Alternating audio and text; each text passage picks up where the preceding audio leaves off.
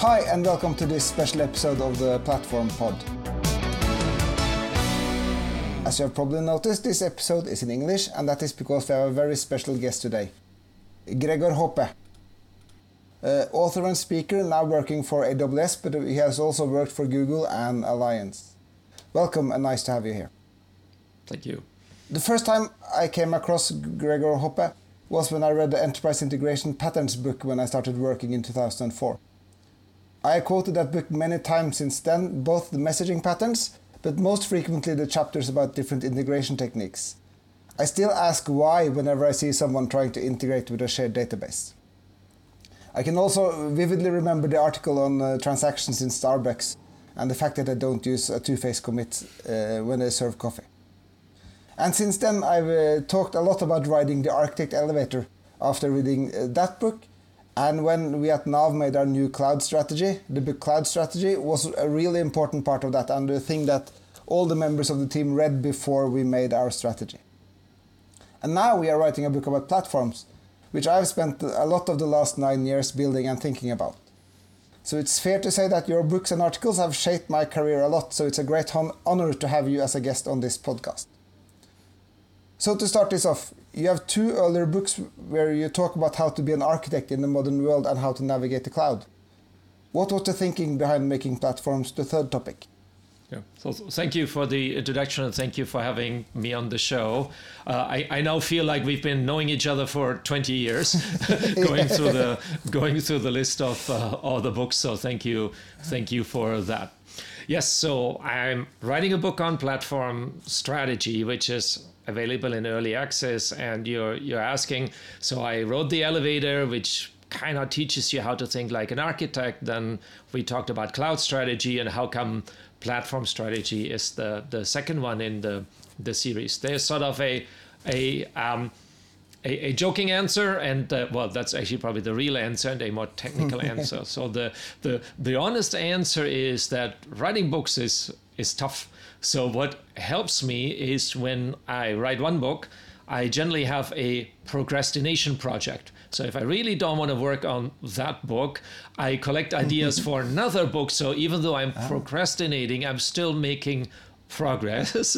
so um, it's a special technique of getting things done while not getting things done. So while writing cloud strategy, platform strategy was that very procrastination project. Now, that means that the scope of the book wasn't terribly well defined, but is relates to experience at Allianz, right? Where we started, when we started with the cloud, we actually started on premises. We started building internal platforms originally because financial services at the time, public cloud wasn't you know, as, as easy to get approvals for. So we started in house. So there were many things we did around platforms, but they couldn't be in the cloud strategy book because that was meant to be for commercial cloud. So I had a little bit of backlog, mental backlog, and the desire for procrastination. And then you put those two together, and there was the genesis of platform strategy. Uh, and uh, I've read uh, the um, early editions of the book, and you, you kind of you have multiple types of platforms. Can you talk a bit about the different platforms as a start uh, that you define? Mm, yeah, and as you hinted, I'm writing the book iteratively. That's one thing I like yeah. to do, and with ebooks that works very well. Um, every once in a while, people ask me, "Oh, so when is it done?" And well, the point isn't waiting for it to be done because you can start reading right now and have a head start about, you know, versus everyone else, right? So I always tell people, right, start as early as you can, and then I will tell you what what changed, etc. Yeah, and yeah, the book sort of tries to go a little bit top to bottom, starting by the different kind of platforms that we see, because platform is one of these words that means many things to many different people. So one is of course sort of the e-commerce platforms we see right? It's like the Amazons and Ubers and Airbnbs are like the platform business models, also referred to as multi-sided markets, right? Buyers and sellers, mm. and some organization that facilitates the transactions, right? And that's a enormously successful business model, and there are quite a few books about how to do that. So we cover that in my book, but only briefly because I think there's a lot that's been said. So we just do this more for context. The the platforms that we are more interested in in this book are developer platforms. Right now, most people call them mm. like IDPs, internal developer platforms, um, productivity platforms, um, um, those kind of titles. And many, many organizations are building those, and that's the real focus. Now, they're quite different, right? One is more like a business model, right? And the other one is something that your IT teams do internally to support your development teams. Um, underneath all this sits another set of platforms, and those are the cloud platforms, but written a whole book about that, so we don't need to repeat that in, in platform strategy. And lastly, you know, a thing that I'm still thinking about are business platforms. So they would be internal to your organization, but rather than enabling your development teams, they would have business capabilities. Like if an insurance company, you could have like a core insurance system, and can that be also a kind of platform without being maybe too generous with a name, right? So that would be a fourth category. But the book is largely about the developer platforms, which seems to be a pretty hot trend these days. So I, I feel that's a good scope for the book. yeah, definitely a, a, trend these days. And I was thinking about what you think about the, the platform engineering term as it sort of uh, it has uh, been uh, hyped in in various mediums.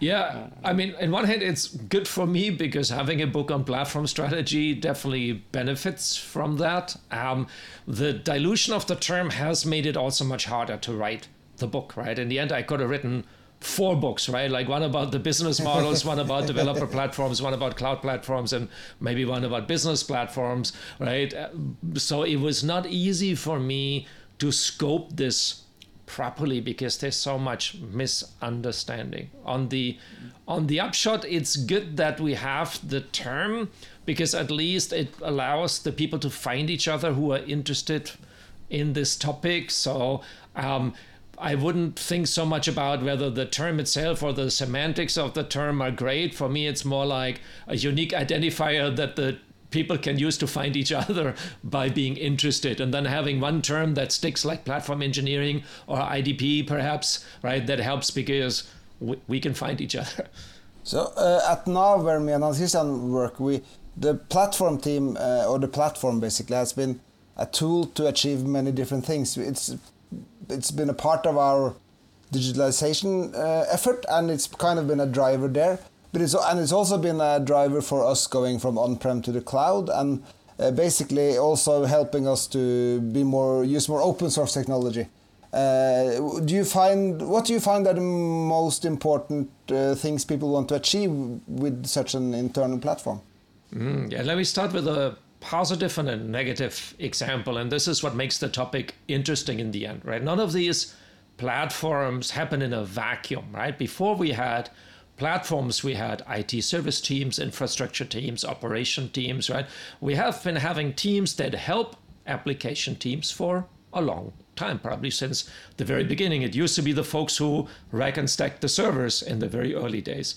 So, so it's important to keep that context in mind. What's very different between the platform and the previous teams is that the previous teams were mostly interested in efficiency, economies of scale, and sort of division of labor, if you wish, right? If you have one place who buys servers and they install all the servers, that will be much more efficient than every development team and going doing that for themselves because you have economies of scale. You do bulk orders, you need fewer people to do that. So it's very common for us when we have shared teams like this to think that efficiency is the same, is the main driver, right? Let's do it once, let's do it right, let's be efficient about it. Now, for platforms, right?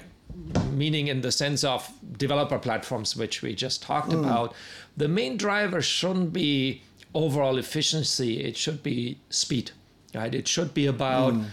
enabling development teams to move faster. Now, in a way, moving faster is also kind of more efficient because you get more done, but it's sort of rather about productivity than about cost. Like when we talk about efficiency, we always think, oh, we spend less unit cost, right? Like make it cheaper. But when I talk about development teams, maybe productivity is a better word. So it's really a productivity enhancer as opposed to a pure cost reducer. And I think that's an important distinction to make. Uh, and our experience is also actually that you can, uh, we, especially in the start when we had, uh, Nav had loads of uh, legacy. So we have mainframes and stuff that's even worse than mainframes sometimes. But we wanted to use our platform to shape the architecture.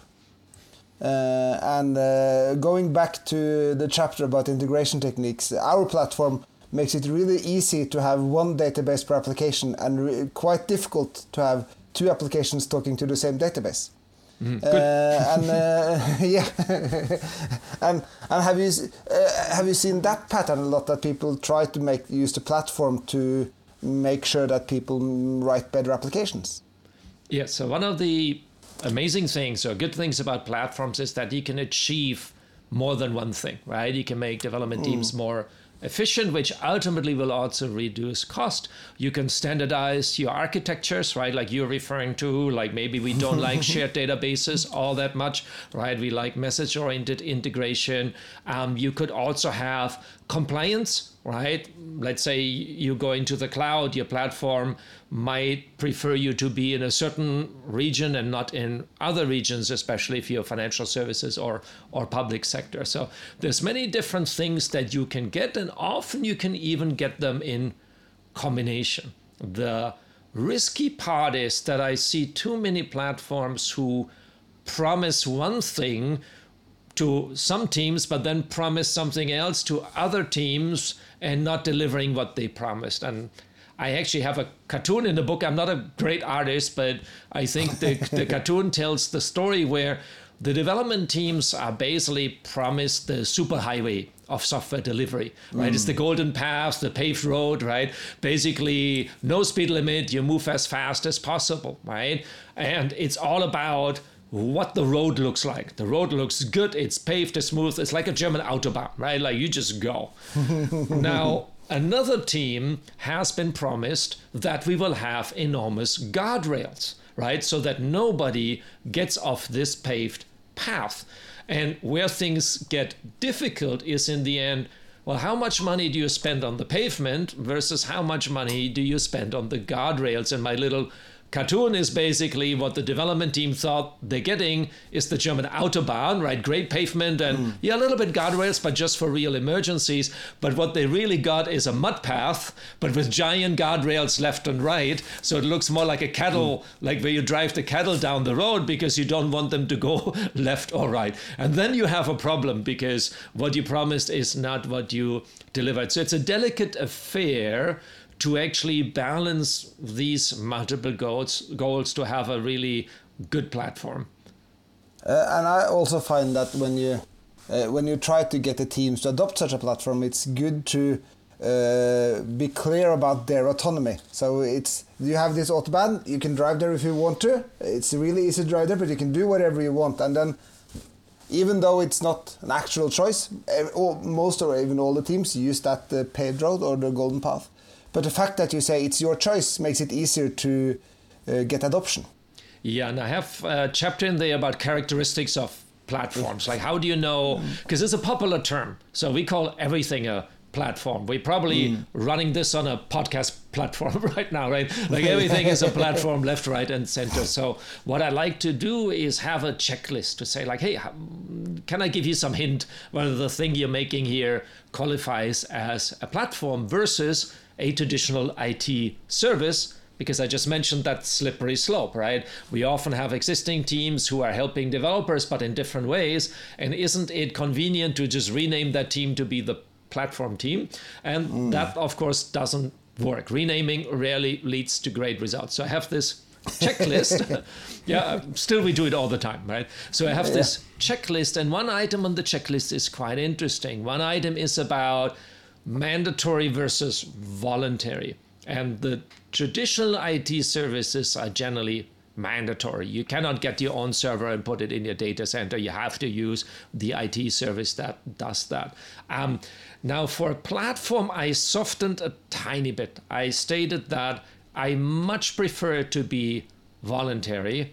At the same time, mm. I recognize that in some organizations, in order to get started, you might need a little nudge right? You might need a little push or something to get a few teams on board. And you can maybe do that through great marketing, maybe through financial incentives, right? So I want to, leave open the possibilities that sometimes in the near term, I don't like the word mandating, but strongly suggesting to people to use mm. this platform can be helpful.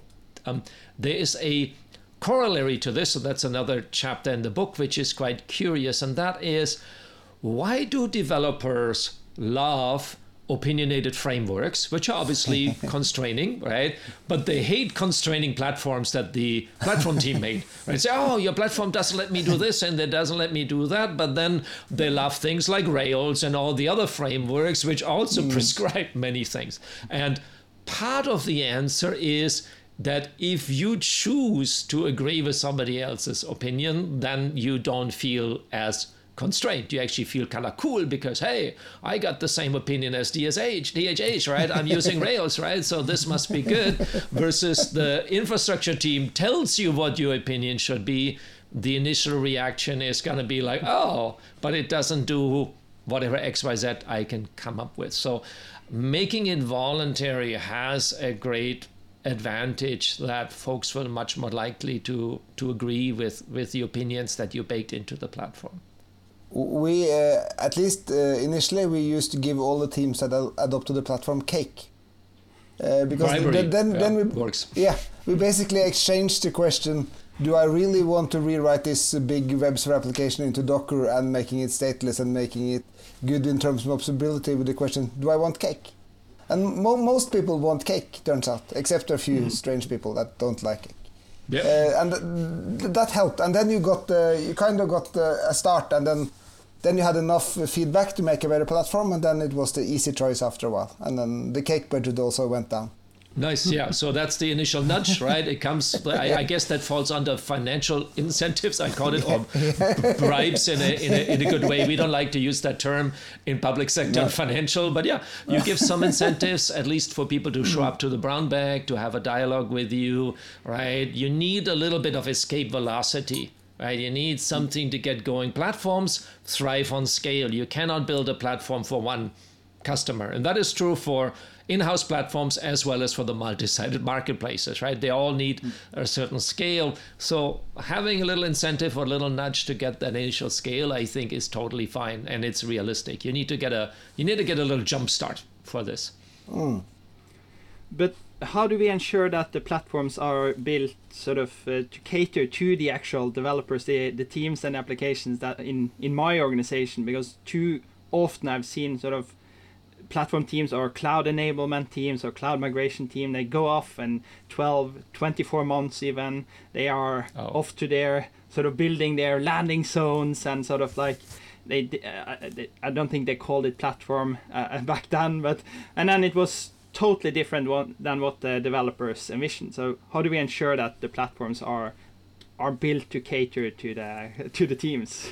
Yeah, platforms are products, right? They're generally internal products for the development teams, but they're clearly products, right?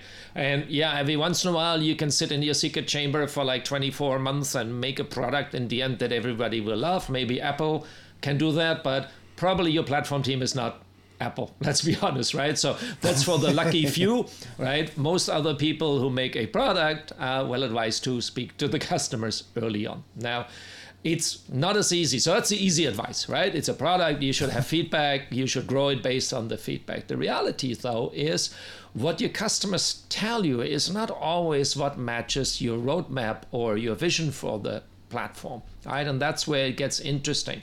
So what i suggest that helps there is to have a clear view on the characteristics of the platform. So and to be cool we talked about being cool earlier. So we try to be cool so we make them all start with c like all the characteristics start with c. But so let's say a customer has a um, feature request, right? Where they say, hey, this would be really useful. And that might make the platform more complete. So this is one of the C's, right? Like it's adding something that is useful and meaningful. But another C is cohesiveness, right? And sort of basically how well integrated are the different pieces. So if you add random stuff based on what the customers tell you, you might have a collection of things, but they don't integrate very well. So it's not very cohesive. And that's an equally important quality of a platform because a platform should be one thing, not 20 little things.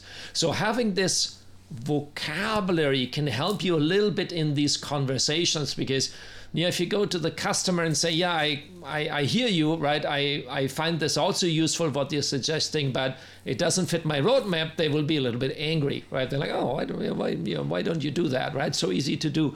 Versus if you have a clear list of characteristics and a vocabulary behind it, and you can explain your trade offs and your decisions, with a little luck, they'll be more understanding. So, uh, growing a platform is delicate right? You want to learn mm. from your users, but the users don't bring you ready written requirements, right? The users are not your business analysts, they're not your product managers, right? They give you input, they give you ideas, but then based on that input, you need to form a product strategy, a product roadmap. You still have a lot of work to do to translate the input from the users. And that's sometimes forgotten, maybe well intentioned, right? We say, and yeah, I worked for AWS, we're customer obsessed. So it's very easy to say, oh, if I'm obsessed with the customers, I should do exactly what they tell me. But that is actually not how it works. It means listening to your customers and keeping them in mind, but they are not delivering you the requirements document. Hmm.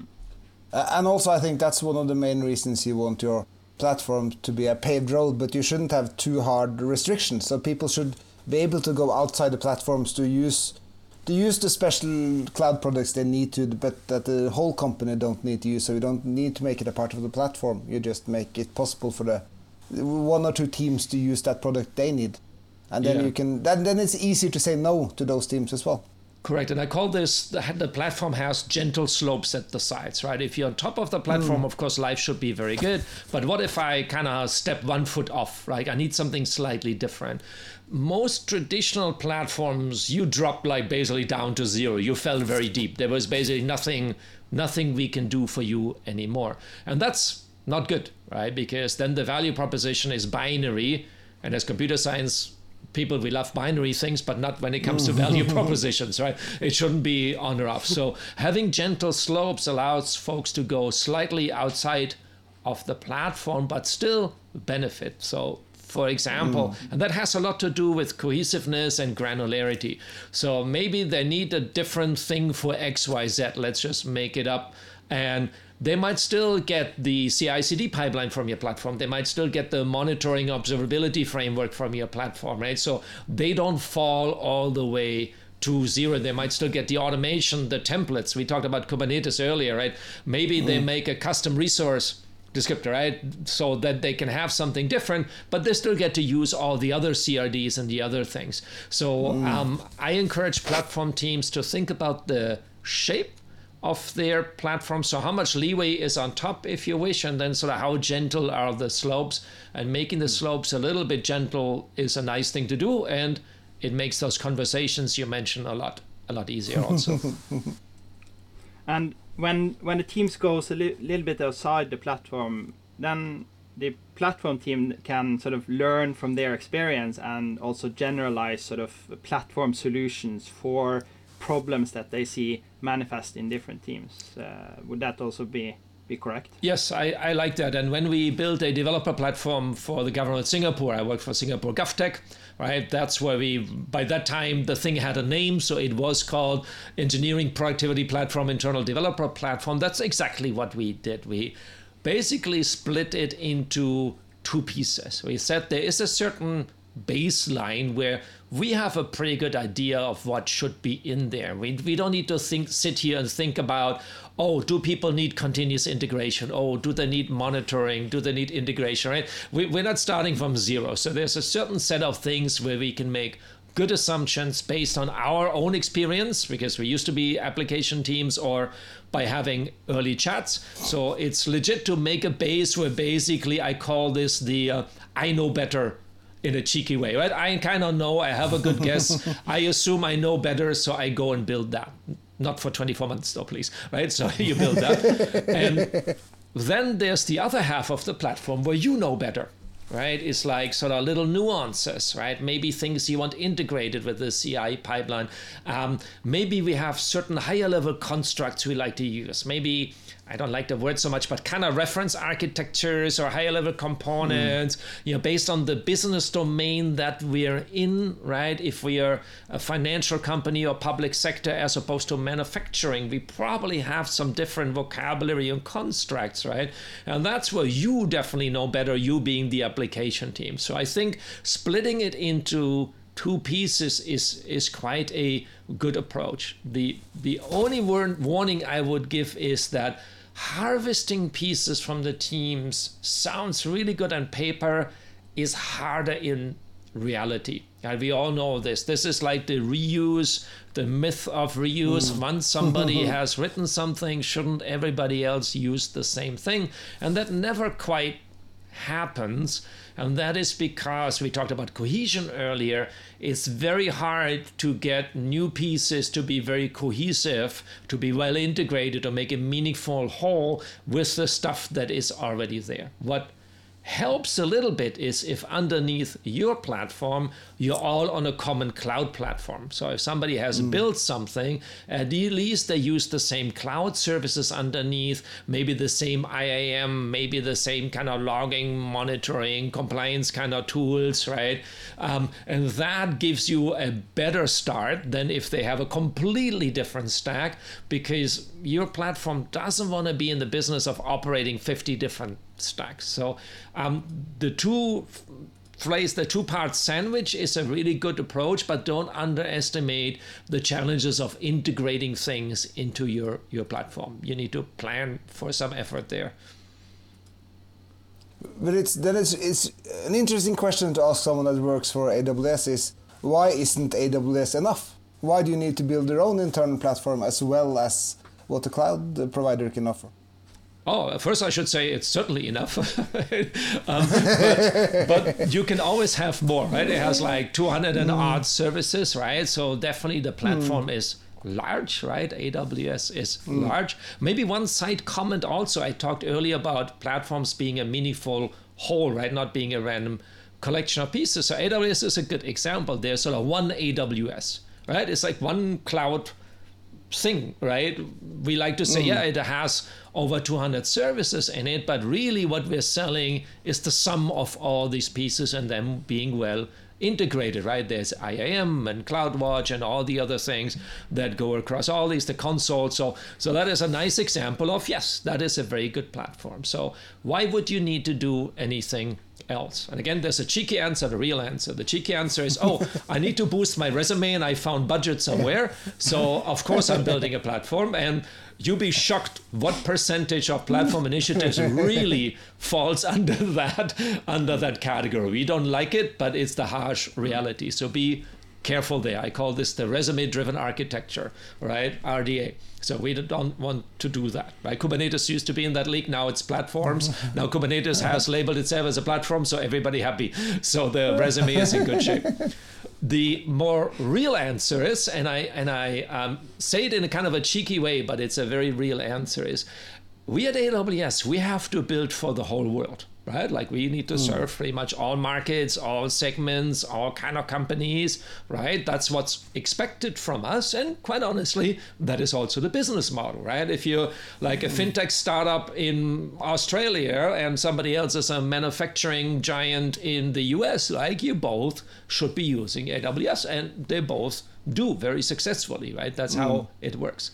Now, because of that, we you can make more assumptions than we can make right so mm. we need to accommodate everybody that sort of limits how opinionated we can be and occasionally that's a little bit of a sort of well-meaning criticism we get. They said, "Oh, you guys could be more opinionated, right? Why aren't you more opinionated? All these open source mm. frameworks, they are more opinionated.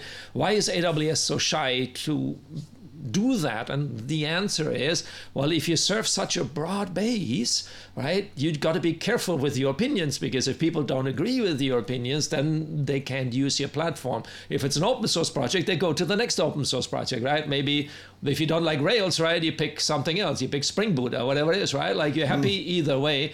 With a large cloud platform status is not quite as easy. So you can make more assumptions. You can integrate more tightly, you can find higher level abstractions, those kind of things, then we can do. And those are great ways to start a, a platform.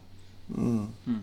And that's probably a way to increase the speed of the application teams because then they don't have to make that many choices. So done well, it does. So let me give you another. Mm. We, we always hear like I try to always show the the happy path and the unhappy path because I think that's really useful for for listeners. So. Um, if you can make more assumptions, then that means you should offer your internal teams something more than just like a, a flavor of the AWS services. And this is where a lot of platforms fail. So let's say DynamoDB, I work on serverless. So I always use DynamoDB mm. as an example, right? Great serverless database. Everybody else, you know, like NoSQL database, we, we know well what it does. So some platforms teams go out and say, ah, DynamoDB is great, ah, but it's kind of serverless and has all these settings. You know, maybe my teams shouldn't use all the features, maybe cost control, right? So what they do is they make in their platform something called NoSQL database. And it's DynamoDB with many settings missing and what I'm mm. saying is, you haven't made the development team's life easier. You've actually made it harder, right? You're giving them a 70% DynamoDB now because you took some settings away, and they're like, hold on, I can have 100% DynamoDB from AWS. Why am I getting 70% from you? And you can immediately see that that is a hard sell.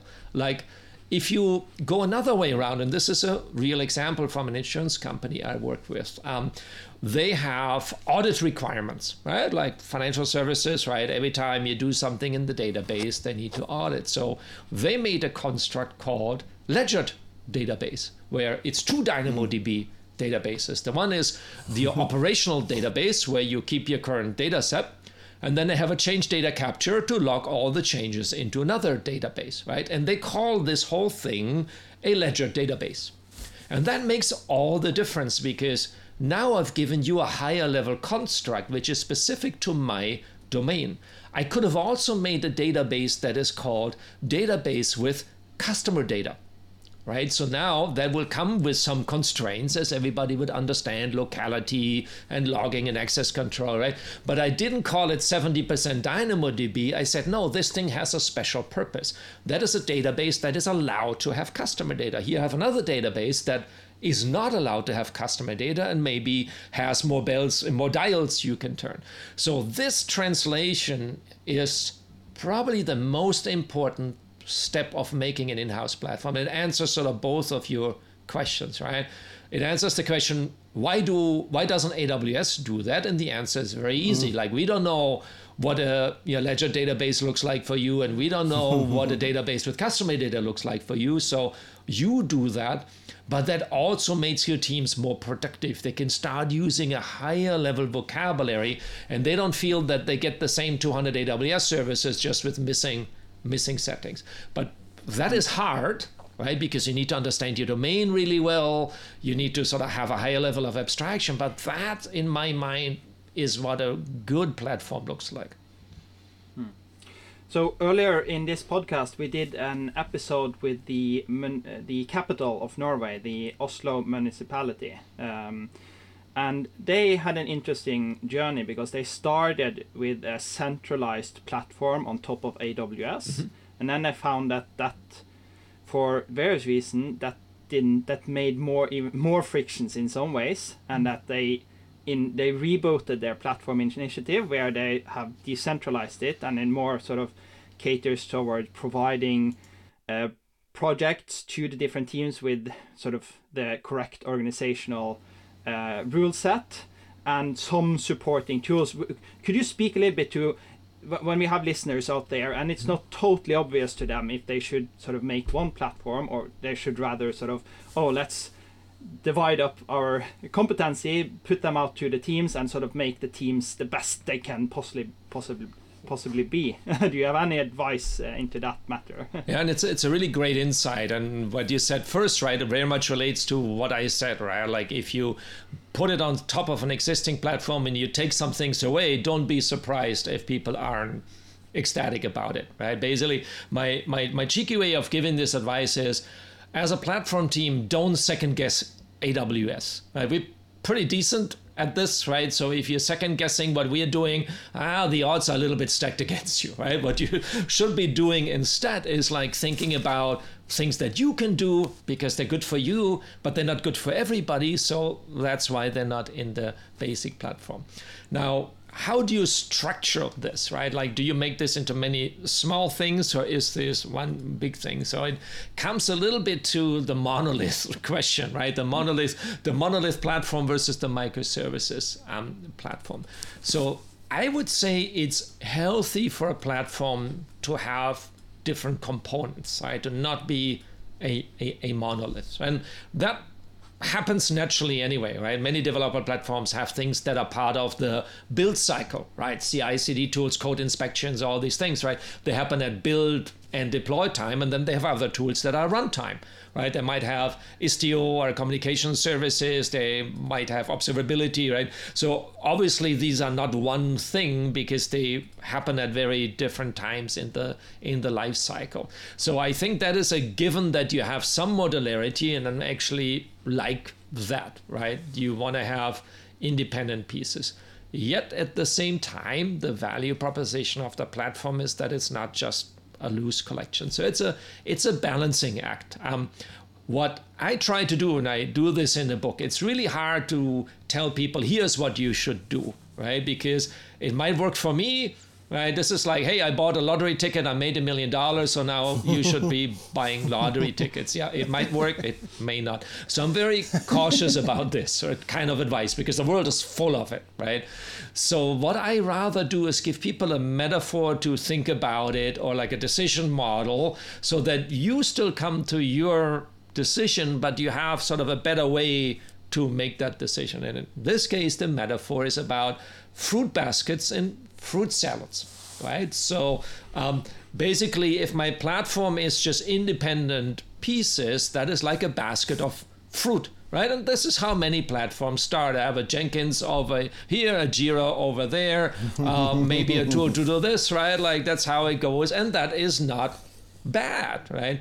But a fruit salad, if you look at the price per weight always fetches a higher price because a fruit salad brings more value. Because the fruit is cut it's easier to eat you eat you can mix and match right? Um, you can have watermelon in it which in the basket is very tedious because it'd be very heavy or jackfruit if you want to be worse i'm in asia right? So so you can have jackfruit and watermelon in your fruit salad but in your fruit basket it'll be very tedious. So i give teams these kind of metaphors so they don't give you the easy answer of like here's exactly how you do this but it allows you to think about finding the right balance. Um, I had one customer mm. where I shared this metaphor, and one of their platform leads changed his name to a fruit salad maker. He said, Oh, I make fruit salad because his view was that the initial attempts they had made at platform were too much like fruit basket like a loose collection of stuff right? Mm. basically instead of running one install uh, instead of running five install scripts you run one install script. That's kind of nice but that doesn't make a whole platform. So he adopted of saying yeah i want to make fruit salad. I want my things to be more integrated. Um, in reality what i think you will find um, you will zigzag a little bit on that spectrum right? You might have some initial ideas, like we said before, like the I know better layer, and that might be very cohesive and that might be very fruit salady. And then you harvest something, so you have new ideas, but they might still be a little bit separate. They might be more like fruit basket. And then over time, you look for opportunities to integrate them more. I think you'll find yourself adjusting basically all the time. So I think we're closing in on the end here, but one last question. Uh, what do you how how should the, the organizations organize their platform teams, and how do that how do a platform team differ from another software team, for instance, in how they organize? Mm. Yeah, we said earlier that platforms are in-house products. So platform teams are very much structured like product teams.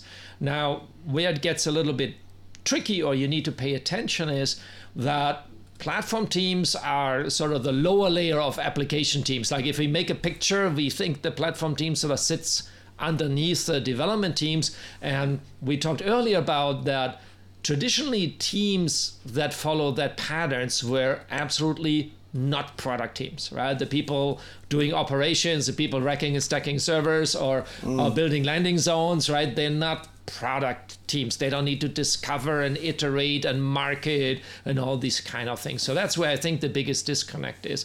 If you really think about your platform as a small company, like a product company, I think that gives you a pretty good checklist. You will need marketing. You will need PR. Mm. PR might have the cakes, right? That was a PR PR function that you had. You need a product manager. You need a CTO, right? You need somebody who has a technology vision. You maybe need a CEO. Um, you might even need an internal CTO, somebody who really helps shape the product vision, and you might even have a field CTO, which is sort of more hmm. marketing oriented and runs around and tells everybody how great this thing is. Now, not each of these roles might be a separate person because it'd be a huge platform team and we haven't even talked about engineers yet. So we have no budget left to build anything that won't be very good. So many people can wear, or a fewer set of people, smaller set of people can wear multiple hats. But I think sort of going down this list, right?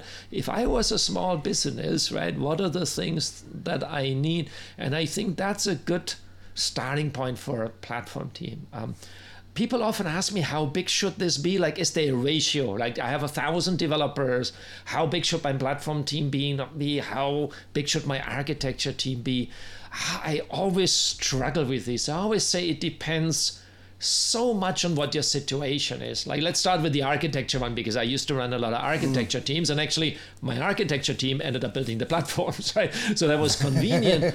but let's say you have nothing and everything is a giant mess and you don't even know where top and bottom is, you probably need some architects, right? You need to build mm. that up. But then I would also say if you have 50 architects in one team, that's maybe a lot, regardless of the size of organization. Even if you have 50,000 developers, having a giant architecture team still feels odd to me.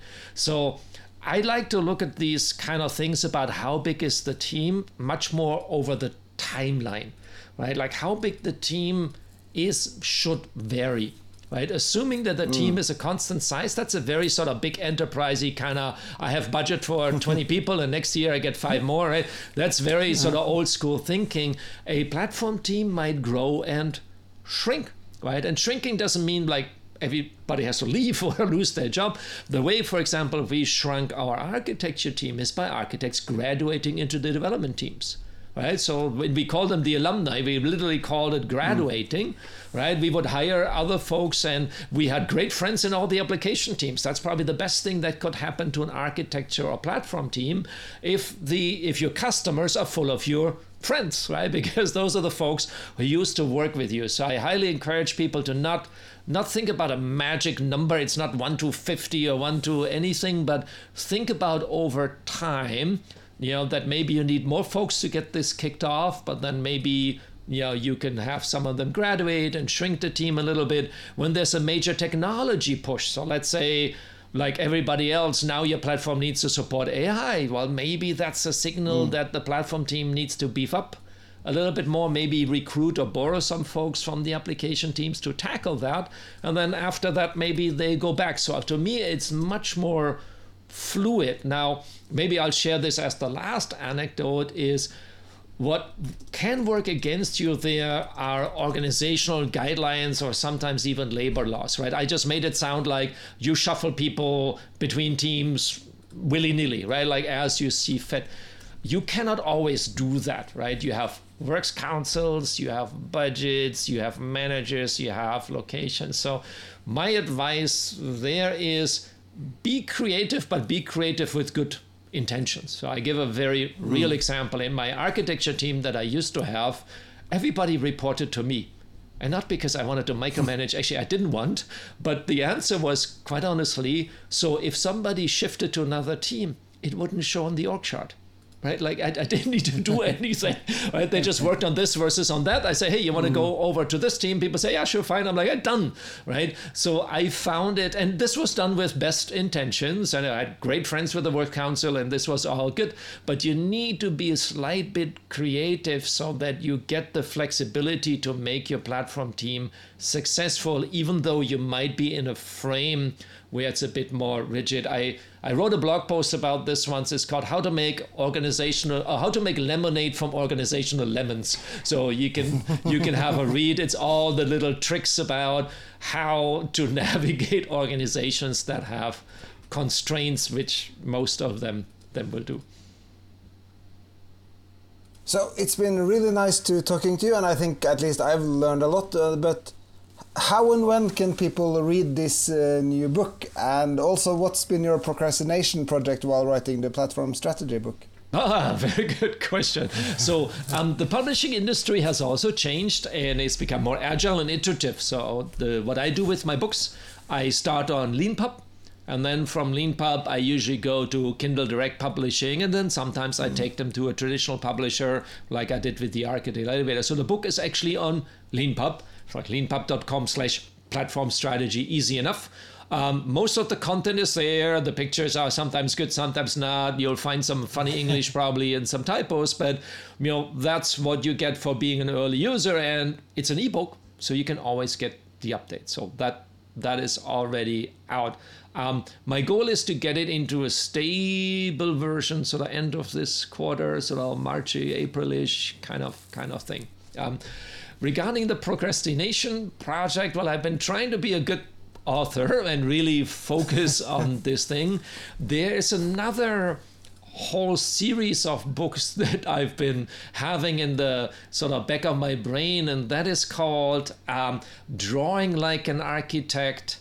Um, how to make pictures. That's basically sort of the add ons to the architect elevator, diving much deeper into things like making pictures, writing documents, making presentations, right?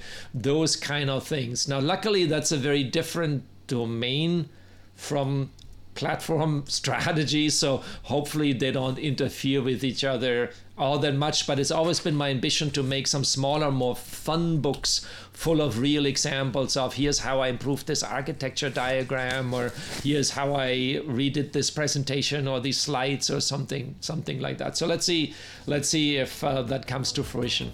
Thanks for coming gregor. And uh, this has been a special episode of uh, Plattformpoden and uh, we hope you'll uh, continue to listen and uh, visit us anywhere you get your podcasts. Yeah, my great pleasure to be on this podcast, and it's great to have a podcast dedicated to platforms. That's excellent. Thank you so much.